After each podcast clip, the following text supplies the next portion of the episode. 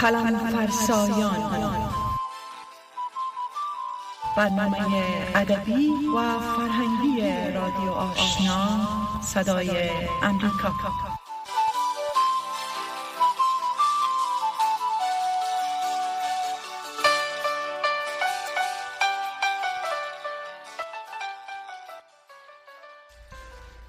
به نام خداوند لوح و قلم.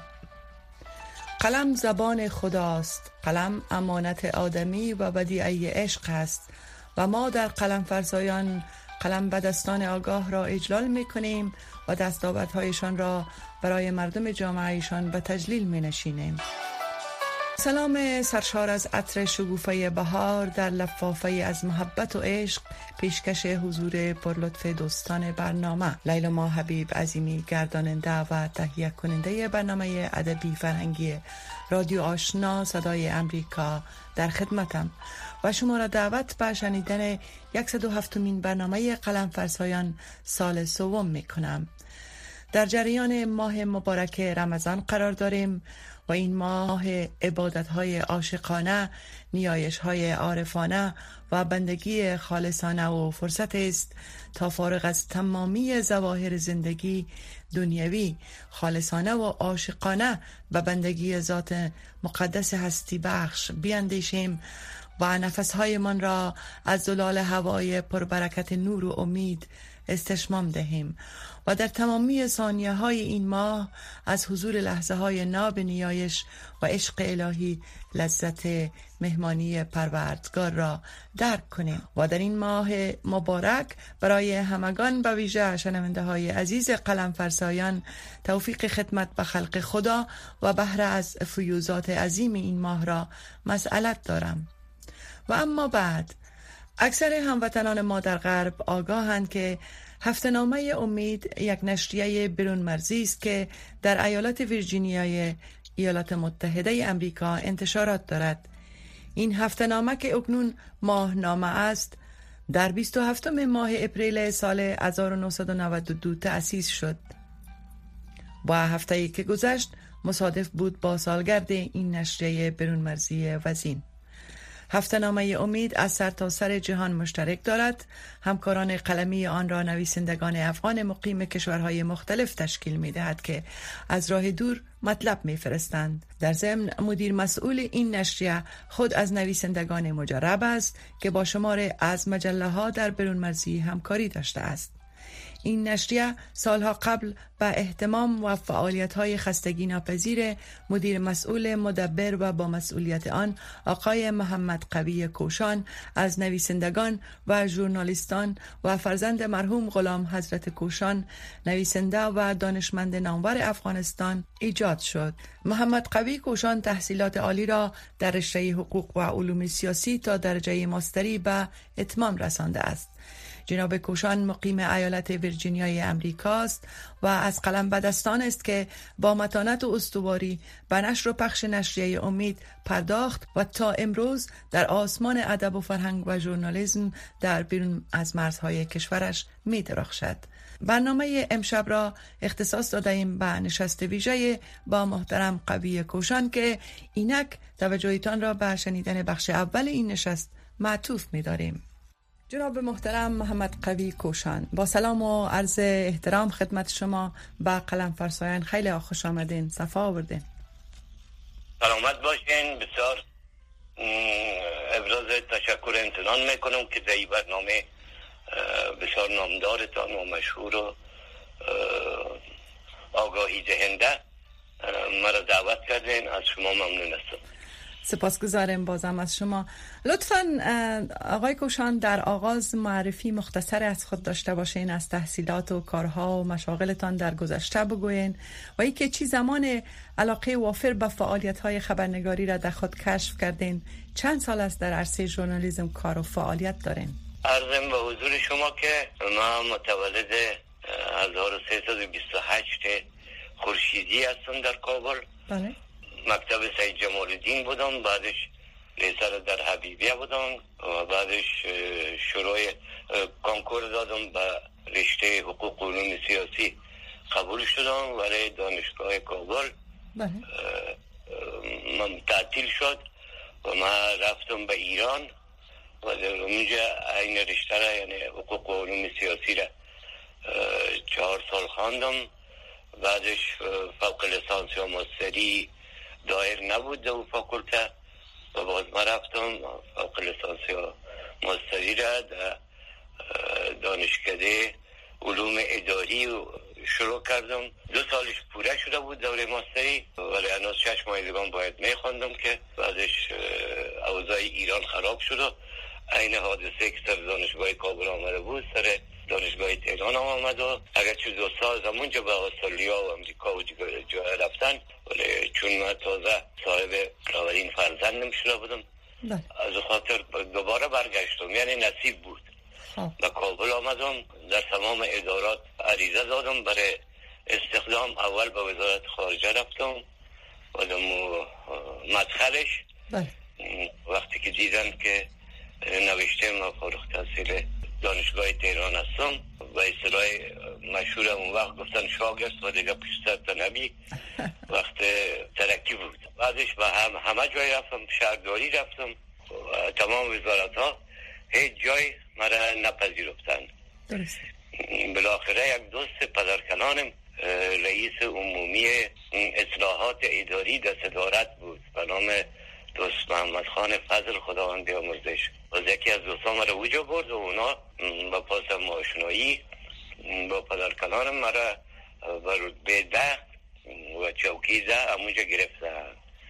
و بعدش در طول سه سال از اوجا به مدیریت عمومی آموزش اداری بالا رفتم و مؤسسه ملل متحد برای اصلاحات اداری در افغانستان از وقت جمهوری داود خان. بله. پروژه داشت. من اونجا بودم. بعدش که پیش از که مقرر شوم مرا خواد برد سه شو نگاه کرد. البته تحقیقات بسیار زیاد کرد. به هر حال بعد از سه روز به سلامت دعای پدر و مادر برآمدم. بله. بعدش که اوزار بسیار تنگ ساختن. که حتما باید بیایی در حزب ما گفتم ما علوم سیاسی خواندیم. اگر در یک حزب برم از پژوهش و مطالعه در علوم سیاسی میمانم و قبول نکردم. زهد اوضاع سخت شد که مجبور شدم برم پاکستان با خانم و دو فرزندیم. یک سال در اوجا بودیم و از اوجا آمدیم به الکساندریه ویرجینیا یک محلی بود به نام ده افغانان. در افغانستان ما از سنف هفت و هشت در برنامه کودک درست. پروگرام اطفال که می‌گفتن. بله بله. اوجا شامل بودم در ترانه خانی ها و کنفرانس های مکتب سهم می‌گرفتم بعدش سنف نوده مقدار و چون پدرم مطبوعاتی مشهوری بود و بیش از پنج سال در مطبوعات افغانستان خدمت کرده بود. یک زمینه خانوادگی میسر بود. مطالب کوچک می نوشتم به پشتون جغ اطفال. از او آیسته آیسته بعضش به جواندون و انیس و جریزه پامیر به خصوص که اولین مقاله ما چاپ کرد و بعدش در برنامه های رادیویی به عنوان نطاق بعدش که آمدیم به امریکا یک نشریه مجاهدین بود. در او همکاری قلمی کردم. بعدش به کالیفرنیا رفتیم و در اوجه هورایزن یک نشریه ماهانه بود. بله. نصف انگلیسی و نصف فارسی. در اوجه همکاری کردم. بعدش افغان سنتر در شهر یونین سیتی به کالیفرنیا ستا شد و مرا در اوجه استخدام کردن و مدیر مجله خراسان یعنی پای گزارش اونجا دوستا بودن از جمله خدمتگزار. دو سال و نیم مجله خراسان در از آزاد افغان سنتر نشر کردم که همون وقت روابطم با نویسنده های نخبه و درجه یک افغانستان قبیل مرحومان سید قاسم زیشتیا آقای میر محمد صدیق فرهنگ و سید شمس خان مجروح و مرحوم صدقی و بعدش که پدرمون به کالیفرنیا آمد به موشهر همکاری اونها و مرحوم عبدالرشید بینش و محمد سعید فیزی و دوستای زیاده بله. الحمدلله همکاری کردن و بعدش که در افغان سنتر مشکلات پیدا شد در بین خود اداره بین رئیس و معاونش در وقت پدر من انجمن فرهنگی مهاجرین افغانستان رو در شهر وارد کالیفرنیا بنیان گذاشتن و وجود دوستای فراوان گرد آمدن و من پیشنهاد دادم که مجله نامه خراسان چون خراسان مربوط به افغان سلطر بود.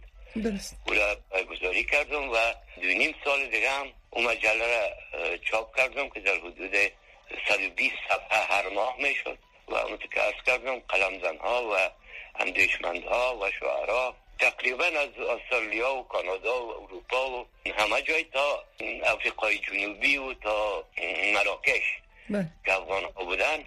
مثلا یکی از بزرگوارا قاضی القضات زمان زاید شاه بود.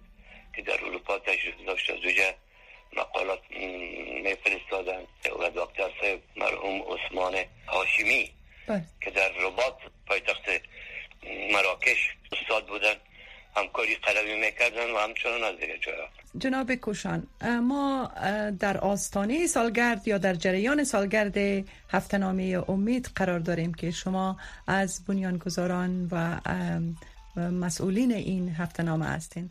دقیقا این هفته نامه چند ساله شده و به چی هدف ایجاد شد و از کدام منبع تمویل میشه؟ ارز بکنم خدمت شما که در که مجله نامه خراسان را چاپ می‌کردم درست. 27 اپریل 1992 یعنی مصادف با سقوط دکتر نجیب الله و آمدن حکومت اسلامی. دیدم اتش وطندارا برای شنیدن اخبار وطن و تبصره بر احوال و اوضاعش سیاسی نظامی همه از هر جهت بسیار زیاد است. باز و پیشنهاد کردم به دوستایی که معمولا هفته یک مرتبه جمع می شدیم در منزل پدرم ما گفتم من می‌تونم که یک هفته نامه چاپ کنم.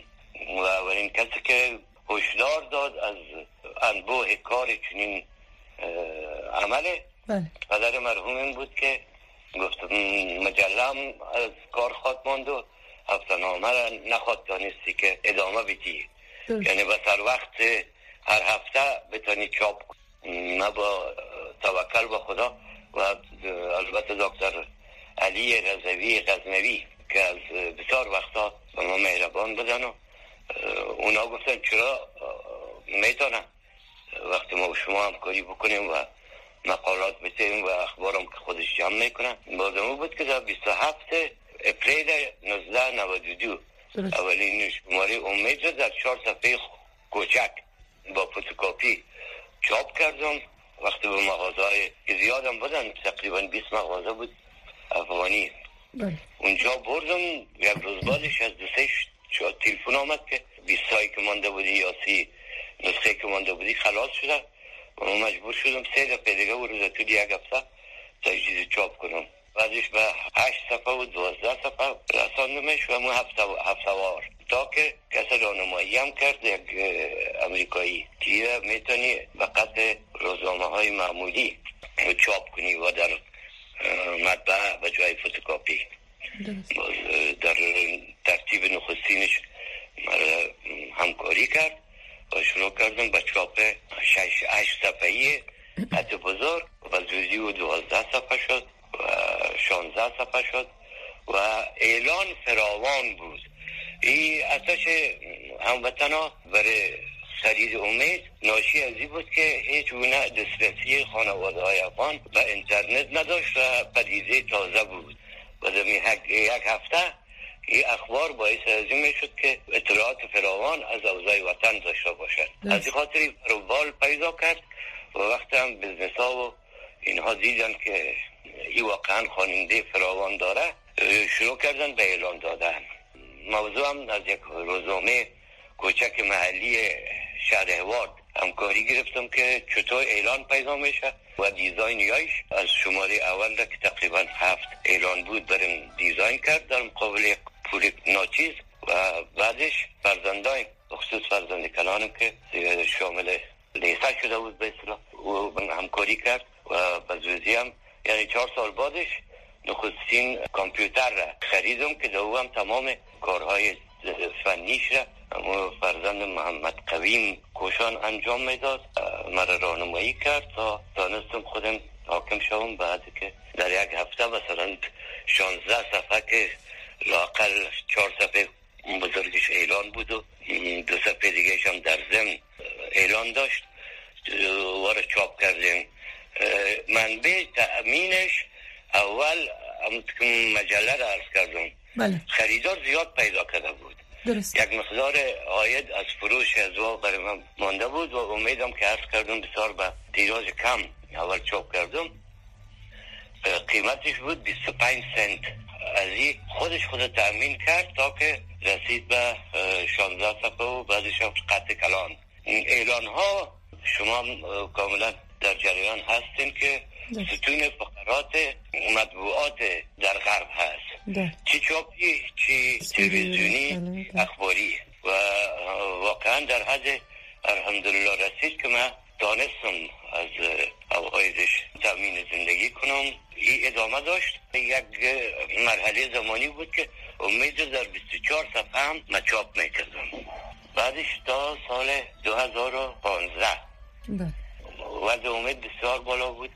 تیراژش بیشتر از چهار هزار نسخه در هر هفته بود. و می وقت تلویزیون های وطنی که نخستینش تلویزیون آریانای آقای بیاد بود در امریکا نشراتش پخش شد و او آغاز افول تیراژ امید شد. به خاطر از که اخبار هر روز مردم میشنید. دیگه منتظر یک هفته نمی‌شد. لحاظا امید افول کرد. تیراژش به هزار رسید و اعلانایش کم شد. در حال بعدش ادامه پیدا کرد. به صورت هفته تا پنج سال پیش. پنج سال پیش نتانستم که هر هفته چاپ کنم.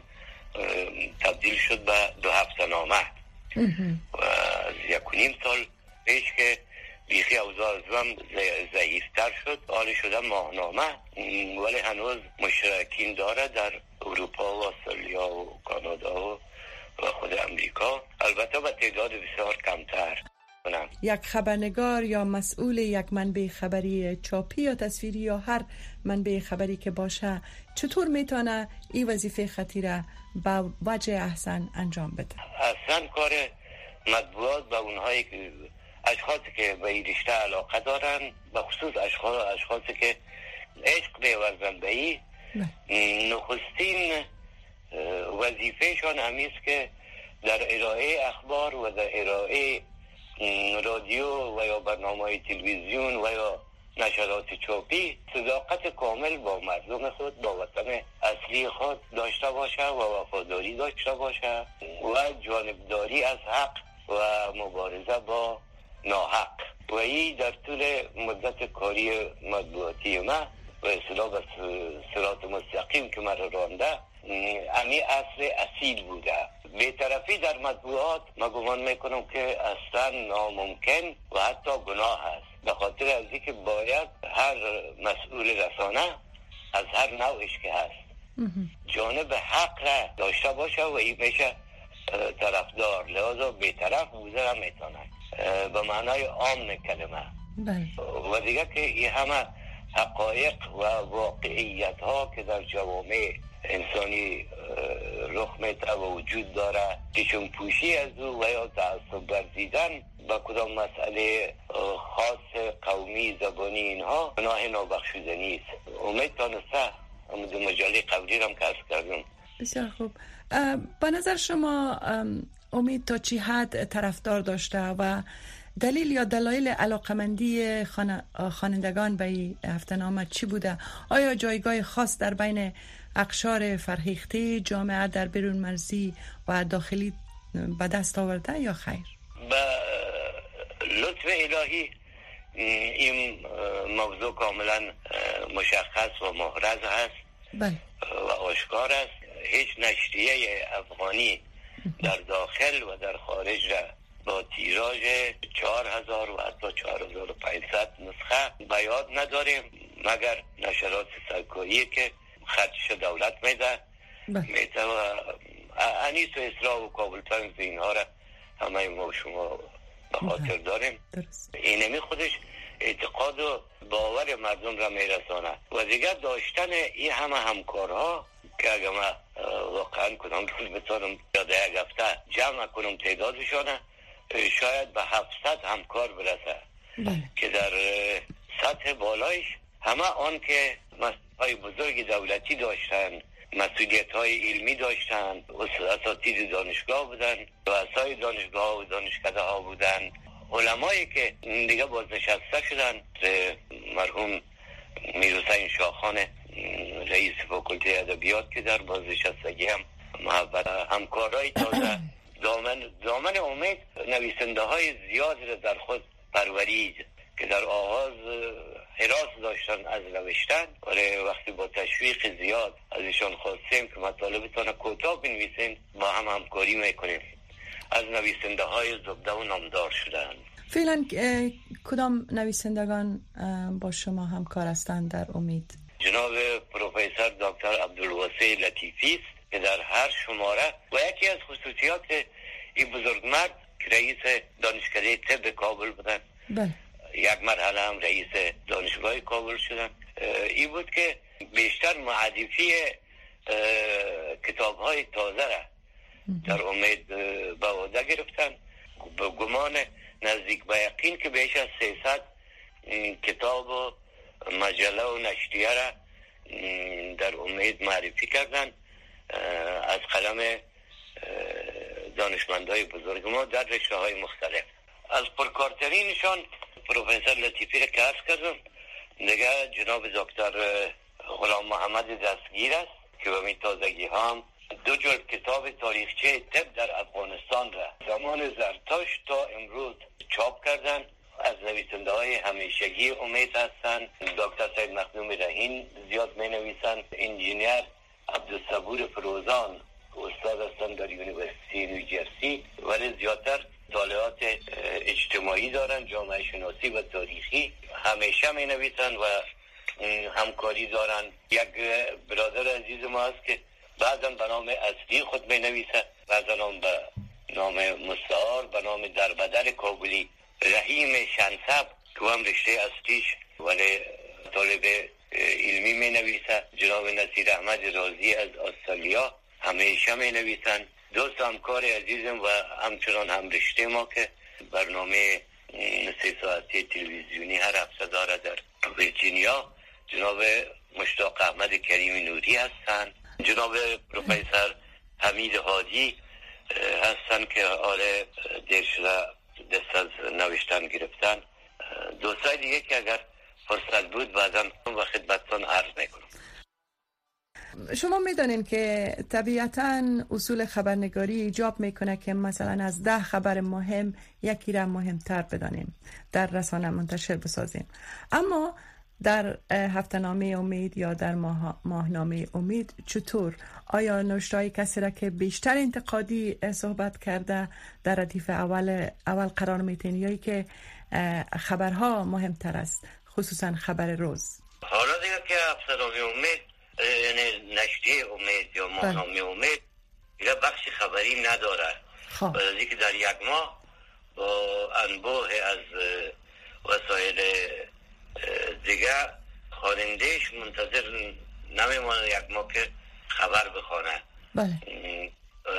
لحاظا بیشتر مقاله چاپ می‌کنه. درست. و اهم موضوعات که در ما در افغانستان با پیوسته و مؤثر هست در همه جهات زندگی سیاسی اقتصادی اجتماعی مردم میهن ما ولی که با او موضوع بپردازه سر مقاله میشه. درست. بعد از به ترتیب بخش های عمده داریم از مسائل مبترابه اجتماعی ما در زمینه های مختلف که بیشتر سیاسی است. همچنان بخش های ادبی فراوان داریم. از ام از نصر و نظم و معرفی شعرهای بزرگ و نویسنده های بزرگ کشور بخش تاریخی بسیار زیاد داریم. البته تاریخ معاصر بله. که بیشتر مربوط به صد سال اخیر باشه از اکثر تا 300 سال اخیر را گوشه هایش که در تواریخ مهم نوشته شده و معروف افغانستان هنوز روشن نشده بود هنوز در بایگانی های اسناد تاریخی کشورها موجود بود و اونها ندیده بودن بله. این تو مسائل در زمین های مختلف تاریخی بخش زیاد داره بخش خاطر نویسی فرامان داریم. ما متکرف کردم معرفی کتاب و نشرات تازه داریم. بخش مطالب دینی می داشته باشیم. مطالب تنز بله. گویا یک بخش دیگه از نشرات امید به خود زندگی تخصیص داره. و مسائل فرهنگی هم شامل است البته بله؟ البته مربوط به رشته های مختلف فرهنگ از تئاتر گرفته تا سینما که دیگه نداریم. ولی نصر و شعر و نقاش و نقاشی و اینها همه چی دارن. شامل بله. دیگه چی از بکنم که تقریبا تمام گوشه هایی که در زندگی جامعه ما بله. موثر هست جلوه هایش را در مقالات و صفات امید و فراوانی می داشته باشیم. شنونده های عزیز گفت و شنود ما با محترم قوی کوشان مدیر مسئول نشریه امید ادامه دارد. بقیه این نشست را در هفته آینده پی خواهیم گرفت تا برنامه دیگر شما همه را به خداوند منان می سپاریم و برنامه را با پخش آهنگ حسن ختام می بخشیم. تا درود دیگر پدرو.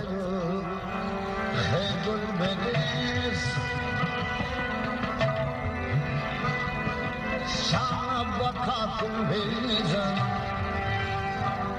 Şana da kapılmayacağım Şana da kapılmayacağım Nikate sandık vereceğim